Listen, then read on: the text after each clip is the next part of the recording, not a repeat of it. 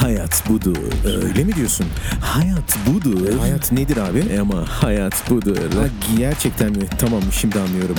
Ne anlatacağım bilmiyorum. Hayat budur podcast'i. E bakalım aklıma bir şeyler gelirse anlatacağım, eğleneceğiz. Herkese merhabalar. Ben Emrah Çelik ve Hayat Budur podcast'ime hoş geldin. Gerçekten de güzel bir intro olmuş bilmiyorum. Benim hoşuma gidiyor. Yaparken de eğlendim. Arkadaşlarımın da desteğiyle tabii ki teşekkür ediyorum kendilerine. Evet ilk Hayat Budur podcastini yani official olarak ilk Hayat Budur podcastini dinleyen sen. Öncelikle sana teşekkür ediyorum. Verdiğiniz destekler için de teşekkür ediyorum. Hepinize teşekkür ediyorum. Öncelikle ne anlatacağımı gerçekten bilmiyorum. Dedim ki seslendirme hikayemi anlatayım. Çocukluk hikayelerinden bir tanesi aslında ama bakacak olursanız böyle dramatik de bir hikaye. Yani e, insanın kaderi nasıl böyle bir hikayeyle değişebilir? Bundan biraz bahsetmek istiyorum. Şimdi ben aslında bir seslendirmen değilim. Bir seslendirme okulu okumadım. Yani diğer mesleklerimin hiçbirinin okulunu okumadım. Hatta söyleyeyim ben yiyecek içecek işletmeciliği mezunuyum. 2 yıllık üniversite. Liseyi e, ODTÜ Koleji'nde bitirdim Ankara. Üniversitede Başkent Üniversitesi Ankara gene. ODTÜ Koleji'nde e, işte hocalarım sağ olsunlar çok güzel bizi yetiştirmişler. Çok güzel şeyler öğretmişler. Birazcık yetenek de varmış, ilgi de varmış. Güzel bir arkadaş çevrem de vardı. Onlar sayesinde herhalde artık üniversiteden sonra e, ilgi duyduğum alanlara yönelmeyi tercih etmişim. Ettim daha doğrusu yani hatırladığım şeyler bunlar. Yani e, üniversiteyi yiyecek içecek işletmeciliğini okuduktan sonra baktım dedim bu benim yapacağım bir şey değil. Ben turizm istemiyorum. Yani turizm bana göre değil. O yüzden hani ne yapacağımı tam olarak da bilememiş bir e, insan olarak okulda iyi yetiştirilmişiz. Bizi çok güzel hani e, eğitmişler. Teşekkürler kendilerine ama hani benim herhalde bir hayattan bir beklentim yokmuş. Daha doğrusu bir beklentim olup olmamasını gerektiğini bilmiyormuşum. Aslında olmaması da iyi olmuş ayrı dava. Ama yönlendirme konusunda ailemden pek yönlendirme alamamışım. İşi çok uzatmadan hani çocukluğa getireceğim ama hani baktığınız zaman aslında ben şu anda yaptığım mesleklerimin hiçbirisinin ne bir okulunu okudum ne bir kursuna gittim. Bir grafik tasarım kursuna gitmiştim ama Corel Draw öğretiyorlardı. Tabi orada sadece programı kullanmasını öğretiyor. Sana yaratıcılık nasıl oluru öğretmiyor. Yani senin bir şeyleri olduğu gibinin dışında görmen gerektiğini sen kendin işte iş yaparken, iş süreci esnasında öğreniyorsun. Yani alayla dediğimiz hikaye. Ben de tabii ıı, çalıştığım şirketler sağ olsunlar işte hatta bir tanesi de arkadaşımın eşi sağ olsun beni kanatları altına almıştı. Onun sayesinde işte öyle yavaş yavaş böyle bir sektöre girdim. Hatta bir arkadaşımın sayesinde öncelikle bir gaza getirilerek girdim. Ya sende çok yetenek var diye. Kendisine buradan selamım olsun. Selin kendisini çok iyi biliyor zaten. Ee, yani böyle arkadaş çevresi sayesinde böyle bir yerlere geldim. O yüzden bugüne kadar e, bana desteği olmuş olmamış, bana kazık atmış atmamış, destek vermiş vermemiş, yamuk yapmış yapmamış herkese çok teşekkür ediyorum şimdiden. Şimdi hikayeye gelecek olursak okuduk, mezun olduk. Ee, daha sonrasında işte baktık bize göre değil. Meslek değiştirdik, onu değiştirdik, bunu değiştirdik, bunu değiştirdik falan derken bu grafik tasarım e, işi üzerine çalıştığım esnada anladım ki reklam ajansları böyle garip garip işler de yapıyorlarmış. İşte seslendirme falan filan gibi. Ben de hep böyle geyik olsun diye işte seslendirmeci arkadaşların seslendirdiği gibi ben de seslendiriyordum. Bu yetenek herhalde birazcık müzikten geliyordur diye tahmin ediyorum. Bilmiyorum tam olarak. Hem ilgim de vardı. ilgim olan da bir şeydi. Ama tabii bu ilgiyi acaba hani çocukken mi edindim bilmiyorum. Şimdi ona bakacağız. Şimdi ben küçükken e, ilkokuldayken şöyle enteresan bir hikaye geçti başımdan.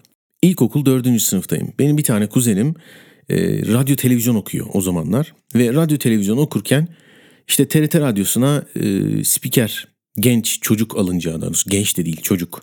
Yani TRT radyosunun çocuk saati kuşağına yani o zamanlar radyo kanalları bir tane olduğu için hani 3-5 tane 10 tane değil TRT'nin sadece bir tane radyo kanalı var yani.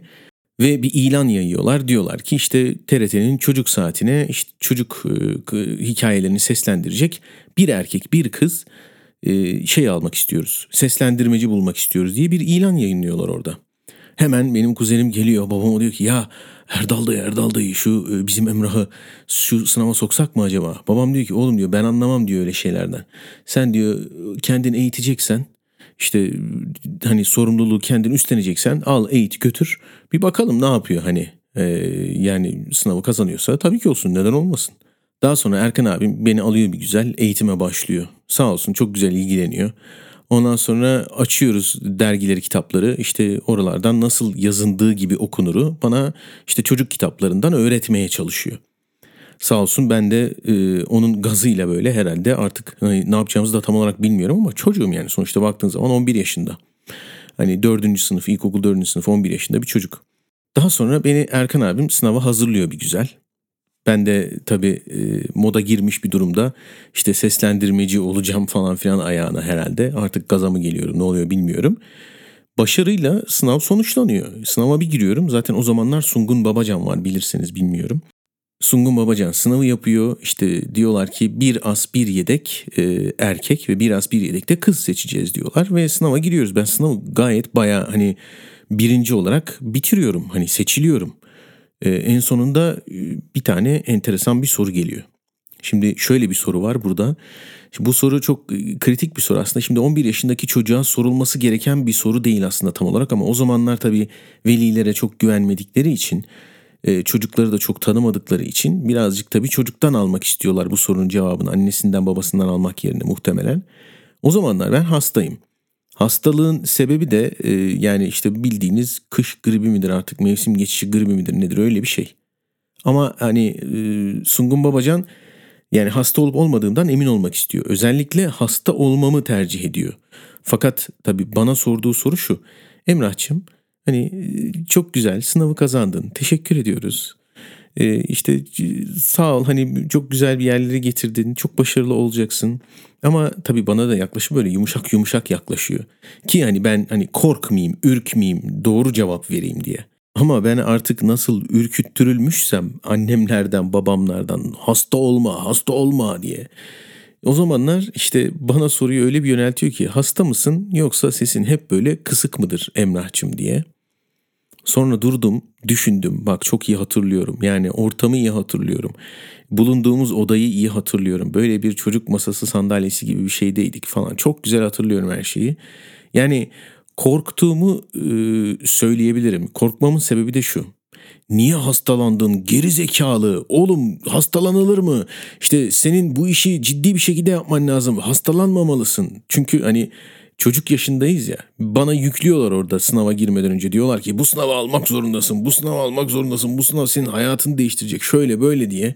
Ya işte görüyorsunuz değil mi? İnsanların üstüne verdiğimiz yükün, e, onun e, hayatının kaderini nasıl oynattığını, nasıl böyle bir ayağını kaydırdığını görebiliyor musunuz? Tamam yukarıya da fırlatabilir ama ama çok enteresan bir şey. Çünkü bana hayatım boyunca o zamana kadar da hatırladığım şeylerde ya mesela annelerimiz derler ki niye hastalandın? Ya benim annem der yani en azından bana kızardı yani. Ya da kızarmışçasına daha doğrusu yani azarlarmışçasına söylerdi niye hastalandın diye. Bende de zaten hani anneme karşı böyle sürekli bir korku var. Korku derken hani annem beni dövüyor ediyor falan filan değil de yani bir yanlış yapmak istemiyorum. Niye bilmiyorum.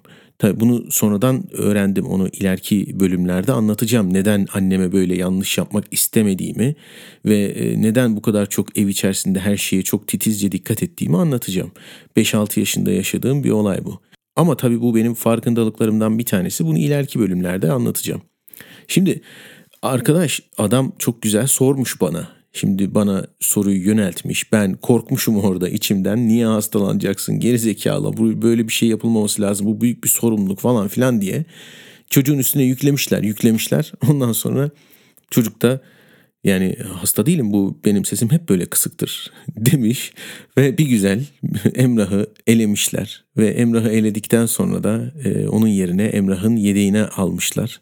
TRT'nin e, ilk çocuk seslendirme sanatçısı olarak o zamanlar artık ilk midir bilmiyorum. Ben şu an uydurdum yani belki de değildir ama yani bir yeni bir çocuk saati açtıklarına göre büyük bir ihtimalle ilktir. Sene ne zaman? Ee, işte ben 79 doğumluyum.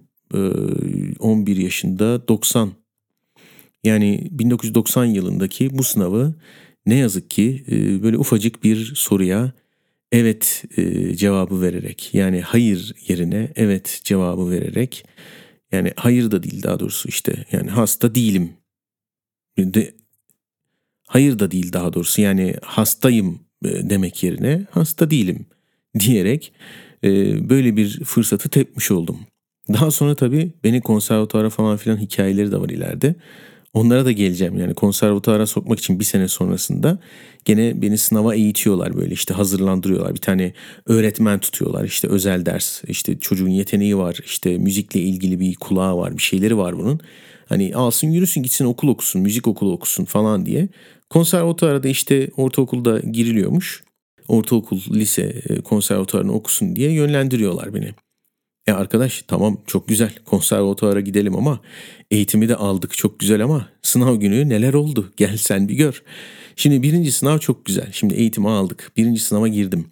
Birinci sınavda bana işte piyano sesleri soruyorlar. İşte beş tane tuşa basıyorlar beş notaya basıyorlar ve bu beş notadan beşini birden çıkartman lazım ama öncelikle maksimum bu beş. Öncelikle bir sesle başlıyorlar. Bir, bir tuşa basıyor sen o notayı vereceksin ağzında aa diye. Tabi burada şu an çok çatallı bir sesle yapıyorum yani e, gerçekten hoş bir e, şey olmayabilir. Tam nota vermeye çalışmayacağım sizleri de ürkütmemek için. Bu adam müzisyenmiş müzisyenmiş nasıl böyle detone sesler çıkartıyor demeyin diye. Ondan sonra adam basıyor bir tamam çıkartıyor iki ya tamam çok güzel bu kulağın bu çocuğun kulağı iyi tamam üç diyorlar üç tane notayı da çıkartıyorum sesi veriyorum. Dört diyorlar dört sesi de veriyorum. Beş diyorlar 5 sesi de çıkartıyorum falan. Aa, hepsini aynı anda basıyor ben bölüyorum onları. Ondan sonra ya bu çocuk iyiymiş ya falan diyor. Bir 6'yı deneyeyim diyor piyano başındaki hoca. Yani etrafımızda zaten bu arada hani 7-8 tane hoca var. Ondan sonra adam böyle e, 6'yı basıyor. Ben 6 sesi birden çıkartıyorum. Dur dur dur bu çocuk çok iyi ya diyor. 7 ses birden basıyor. 7 sesi birden ben bölüyorum, bölüştürüyorum, çıkartıyorum, söylüyorum. Ondan sonra tam 8 ses birden basıyor derken yan tarafta bir tane kadın var işte bayan hoca. Kadın hoca sesleniyor hemen yeter ya yeter diyor oyuncak mı çocuk diyor tamam gönder işte geçti işte ne olacak diyor. Gönderiyorlar beni. Şimdi tabii bu ben hani sınavı geçtiğimi anlıyorum orada ama Hani bozuntuya vermiyorum çünkü geçmemiş de olabilirim. Hani tam bir cümle yok orada. Tabii çocuk olduğum için hata da yapmaktan korkuyorum ya hani bir sene öncesinden de bana yüklemişler yani sen hata yaptın olur mu öyle şey hastaysan söyleyeceksin niye söylemiyorsun diye. Şimdi zaten orada bir e, şey sınavını kaçırmışız. Seslendirme sınavını kaybetmişiz, kaçırmışız. Hikaye burada bitmiyor tabii. Şimdi ben birinci sınavı geçtim. Konservatuar sınavının birinci aşamasını geçtik. Çok güzel. Şimdi ikinci aşamada 3 gün sonra mı ne? Benim bir tane daha kuzenim var. İşte başıma ne geliyorsa hep güzel şeyler aslında kuzenlerimden gelmeye başlıyor. Ama onu bir şekilde biz kendi fırsatlarımızı, elimize geçen fırsatları bir şekilde tepiyoruz yani. Ya ben ya ailem hani bir şekilde oluyor. Şimdi bu da ikincisi de ailemle alakalı. Şimdi kuzenim geliyor diyor ki kuzenim ODTÜ Koleji'nde İngilizce öğretmenliği yapıyor. Geliyor işte annemle babam anlatıyor diyor ki benim bir tane kontenjanım varmış okulda ve bu kontenjandan yararlanarak tanıdığımız çevremizde birileri varsa sınava geçmeden yani sınava girmeden e, okula kaydını yaptırabiliriz diyorlar. Ondan sonra da öğretmenlere yayıyorlar. Daha sonra kuzenim geliyor bunu babama anlatıyor. Babam diyor ya diyor ODTÜ Koleji özel kolej yeni açıyorlar. Yani parası ne kadarmış? Şu kadar. Yani olabilir aslında. Neden olmasın? Özel okul işte yani mantıklı olur. İngilizce öğrenir, şöyle öğrenir, böyle öğrenir. Tamam çok güzel. Fikir harika. Ben zaten çok memnunum ODTÜ Koleji'nde okuduğumdan ama şimdi şöyle enteresan bir püf noktası var. Geliyorlar anlatıyorlar. Babamla annem e, karşıma geçiyor. Diyorlar ki bana ya Emrah'cığım böyle böyle bir durum var. Şimdi senin sınavın yarın. E, e yarın senin sınavın yarın olduğu için e, böyle bugün enteresan bir teklif geldi Handan ablandan. Bizim e, acil bir şekilde karar vermemiz lazım. Ne karar vermemiz lazım baba? Yani kararımız hangi okula gitmek istediğin konusunda olmak zorunda. Bir tanesi müzik okulu, bir tanesi e, kolej, e, özel okul, İngilizce eğitim göreceksin vesaire. İşte ileride şey çok hani önün açık olur. Ama bugün bir karar vermek zorundayız. Çünkü bizden kaydımızı yarın öğlen saatinde yapmak için bize randevu veriyorlar. Ondan sonra ve senin sınavında yarın ve bu fırsatı da kaçırmamamız gerekiyor. Hmm, öyle mi? Peki baba e, o zaman ne yapmalıyız? İşte bilmiyorum ben de sana sormak için geldim. Sen hangisini okumak istiyorsun? Ben böyle bir düşünüyorum. Yani biri müzik, biri özel okul ama hani ben herhalde çok anlamam baba. Yani ben çocuğum. Bence en iyisi siz karar verin buna. Hani ben ne yapayım? Hani Direkt bu cevabı veriyorum kendisine ve aslında olması gereken şey de bu. Yani ben onların sorumluluğu altındayım. Onların bir sorumluluk alıp e, karar vermeleri lazım. Ama bana sormaları gerçekten güzel bir şey sonuçta. Çocukken sormuşlar küçükken.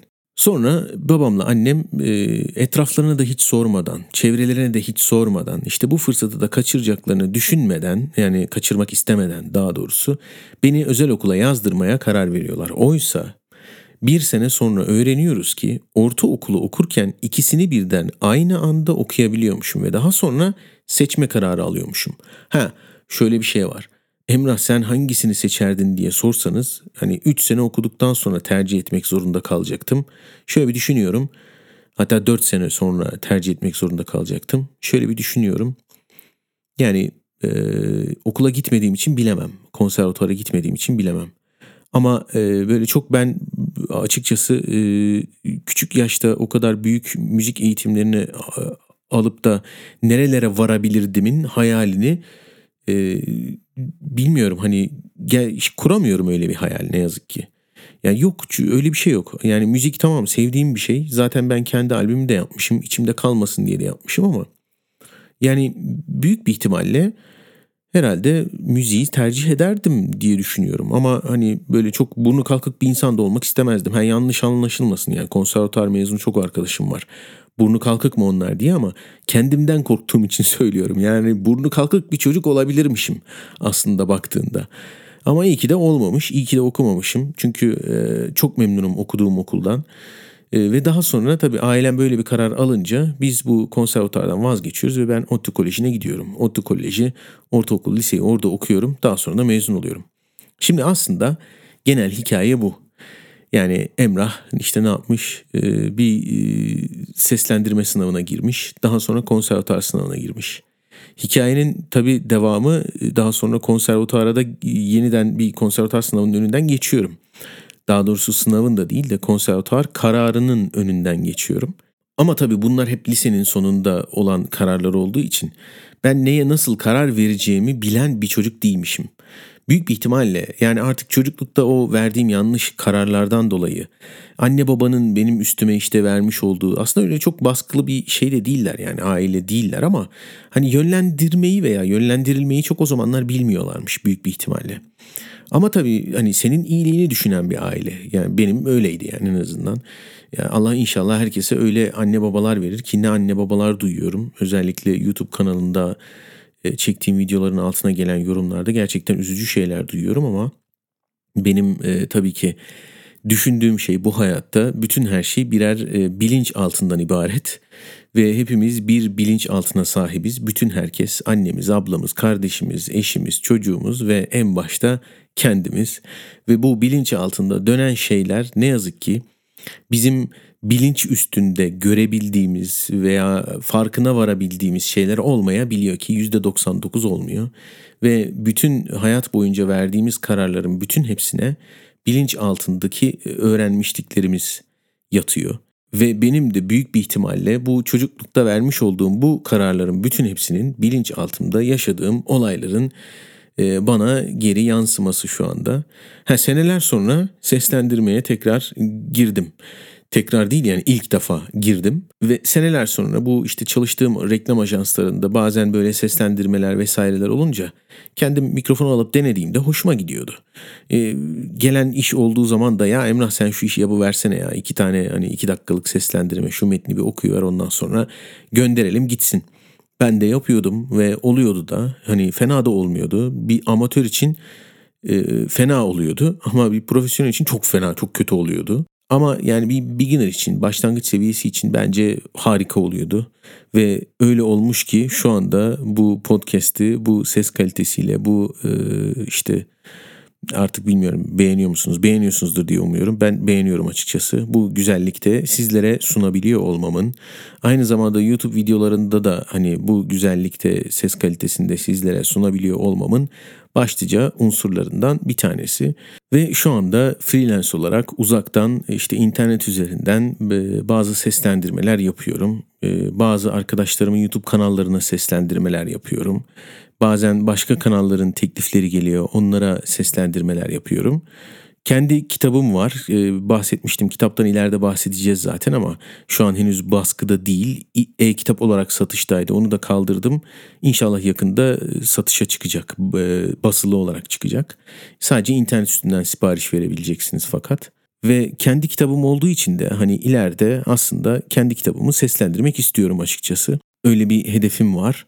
Şimdi aynı zamanda ikinci kitabı da yazıyorum. Ee, üçüncü kitabın konusu da belli. Ee, üçüncü kitap için de bir şeyler çıkartacağım. Bir taslak çıkartacağım ileride.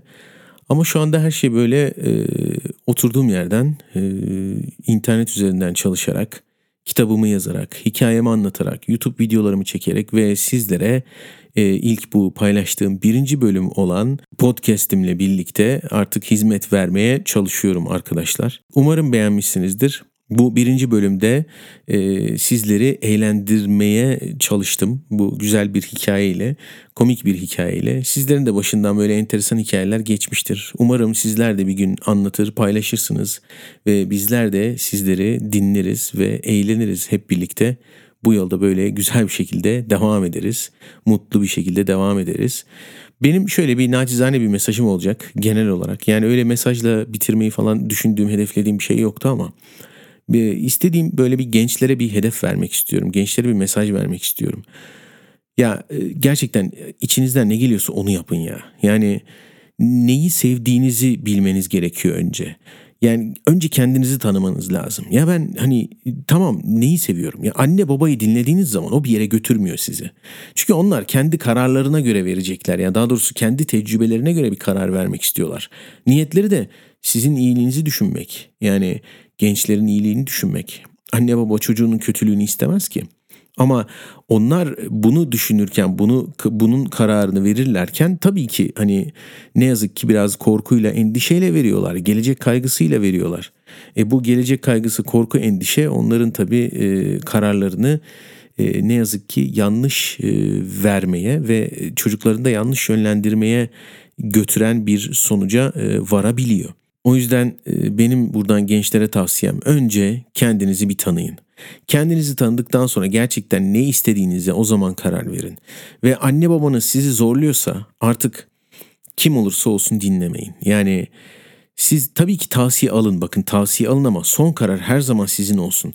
Annenin babanın kararı olmasın. Ya annenin babanın kararı veya işte amcanın, halanın, teyzenin kararı olacak olursa onun pişmanlığını yaşarsınız hayatınız boyunca. Ve bu pişmanlıkla işte belki hani e, neyin doğrusu neyin yanlışı vardır bilmiyorum ama bu pişmanlıkla belki attığınız bunca adım sonrasında e, geriye geriye doğru gidebilirsiniz ya da ilerleyemeyebilirsiniz. İlerlediğinizi zannedebilirsiniz. Ee, yani aslında ilerlemektir hepsi bir şekilde. Yani bence yavaşı hızlısı yok. Yani eninde sonunda herkes işte 30-35 olduktan sonra böyle enteresan bir noktalara gelmeye başlıyor. Ee, iş konusunda yani işte ama bir korkuyla kaygıyla karar vermeye başladığımız zaman ne yazık ki gerçekten hani e, doğru kararları veremiyoruz kendimiz için. Çünkü aslında çok hızlı olabilecek ve çok da güzel olabilecek yollar, yöntemler var. Ee, bizler için mevcut, herkes için mevcut. Ama biz kaygıyla, korkuyla, e, endişeyle, telaşla, e, hani acele işi şeytan karışır derler ya. Bu tarz yaklaşımlarla e, hayatımızda belli kararlar almak istediğimiz zaman yanılıyoruz. Ve yanılmak, inanın bana, hata yapmak ve pişmanlık duymak ve keşke demek bundan 5 sene sonra, 10 sene sonra, 20 sene sonra kesinlikle demek istemeyeceğiniz bir şey. Yani bunu dememek için bugün kendi hayatınızla ilgili tüm kararları kendiniz verin. Yani benim naçizane tavsiyem budur sevgili arkadaşlar. Gençler, dinleyenler varsa aranızda. Eğer olur da burada geçmiş tecrübelerini hatırlayan e, hani genç demeyeyim ama işte orta yaş veya üzeri insanlar varsa ee, geçmiş tecrübelerinizde de siz de pişmanlık duymayın. Kabullenin onları. Yani kabul edin ya tamam böyle bir karar verdik. Sonuçları böyle oldu. Bizi buraya buraya buraya getirdi. Yani teşekkür edin. Geçmişte kim varsa teşekkür edin. Programa bu bölüme başlarken birkaç kere baştan söylemiştim biliyorsunuz. Hani birkaç kişinin ismini saydım işte. Beni kazıklayanların, kazıklamayanların, bana destek olanların, olmayanların, bütün herkesin sevdiğim, tanıdığım, tanımadığım bütün herkese, işte sokak hayvanlarına, işte yoldan geçen amcaya, bakkal amcaya, çakkal amcaya, işte üst komşuya, alt komşuya herkese teşekkür edin ama herkese teşekkür edin. Aklınıza gelebilecek herkese ve her şeye, tüm olaylara teşekkür edin. Ve her ne yaşandıysa, her ne olduysa hayatınızda bunu kabullenin. Çünkü eğer o gerçekleşmeseydi yani o sizin o tecrübeniz gerçekleşmeseydi bugün bu noktaya gelemeyecektiniz arkadaş. Yani bugün kendine şu anda şu baktığın pencereden bakamayacaktın. Bugün bu podcast'i dinlerken kendi hayatınla ilgili bazı şeylerin realitesine, gerçekliğine başka bir açıdan bakamayacaktın. Yani bu e, benim hikayem beni elinde sonunda bakın 11 yaşındaki vermiş olduğum bir yanlış karar olmasına rağmen ki yanlış karar değil benim düşüncem. Ee, ama e, hani böyle bir yanlış e, hata yapmışım gibi olmasına rağmen ben bunun pişmanlığını seneler boyu yaşamadım mı? Yaşadım. Yani işte neler yapıyorum, ne iş yapıyorum diye işte turizm okumuşum, şunu yapmışım, bunu yapmışım, hiçbir şey yapamamışım. Hani ben e, teaser'da anlatmıştım size bölüm, sıfırıncı bölümde yapamadıklarımı, olamadıklarımı anlatacağım diye. İşte ben seslendirmen olmadım, olamadım ama en sonunda olmak istiyorsam onu oldurdum ve şöyle oldurdum gene karşıma bir şekilde bu kendimi seslendirme mevzusuna yöneltebilmem için bir şekilde birçok şey çıktı. İşte bir arkadaşım e, daha doğrusu bir takipçim YouTube'daki bir takipçim işte Seçil Hanım buradan da kendisine selamlar olsun. E, Seçil Hanım işte dedi ki ya Emrah Bey sesiniz çok güzel seslendirme yapın diye. Kendisi de bazı radyo kanallarında seslendirme uzmanı, haber spikeri. Onun da desteğiyle ve yönlendirmesiyle ve e, benim telaffuzumdaki düzelttiği bazı şeylerle bu seslendirme sektörüne yavaş yavaş girmeye başladım. İyi olduğumu düşünüyorum. Hızlı, temiz, net ve güzel iş çıkartabildiğimi düşünüyorum. Ama tabii ki ben hani kendimi övmek istemiyorum. Çünkü çok profesyonel insanlar var.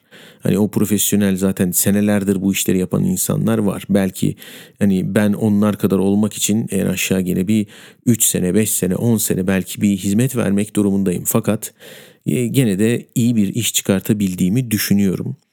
O yüzden kendime güvenim yüksek bu konuyla ilgili. Bundan bahsetmek istedim. Ve hani tabii ki karşıma bir şeyler çıktı bir mesaj çıktı işte Seçil Hanım'ın yorumu çıktı mesajı çıktı desteği çıktı başka bir arkadaşımın ya bak şurada şöyle bir şeyler yapabilirsin diye online beni yönlendirmesi çıktı. Yani ben böyle çok kolay kolay böyle kazanmak istediği bir şeyi böyle araştırıp da şunu yapmalıyım bunu yapmalıyım diye böyle didik didik yapan bir insan değilim. Yani veya gidip oradan buradan destek arayan işte bana şunu yapar mısın bunu yapar mısın deyip işte sağdan soldan birilerinden ya işte bizi şurada işe soksana falan filan bunu diyebilecek bir adam değilim. Öyle bir karakterim öyle bir yapım yok. Ama tabii olmak da gerekir bir nebze bir noktadan sonra en azından destek alabilmek için birilerinin yardımını sormak gerekir. Bunu da tabii ki kabul ediyorum ama şöyle bir şey var sen ne istiyorsan karşına senin o istediğin şeyle ilgili seni o istediğin şeye yönlendirecek her şey çıkıyor. Sadece bunu kafana takmayacaksın. Ne diyorlar? Çekim yasası diyorlar. Yani çekim yasası diyorlar. Biz bu çekim yasasını bilmeden ve uygulamaya çalışmadan hareket ettiğimiz zaman çekim yasası daha güzel çalışıyor. Çünkü onu uygulamaya çalıştığımızı düşünerek uygulamaya çalışıyoruz ve o zaman da e, yanılıyoruz. Neden? Çünkü uygulamak istediğimiz şey o. Yani odaklanmak istediğimiz şey o, istediğimiz şey o. Yani hayatımızda gerçekleşmesini istediğimiz bir şey var ve e, onu elde etmek istiyoruz. Olsun istiyoruz. Ama işte ne dedim? Ben seslendirmen olmak istiyordum ve bu sektöre e, seslendirme sektörüne girmek istiyordum.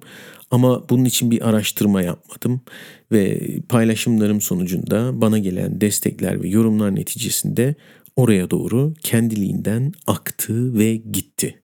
Bugün anlatmak istediklerim bu kadar ve sonuna kadar dinlediğiniz için de hepinize çok teşekkür ediyorum. Umarım eğlenmişsinizdir. Hayat budur. Öyle mi diyorsun? Hayat budur. Hayat nedir abi? E ama hayat budur. Ha, gerçekten mi? Tamam şimdi anlıyorum.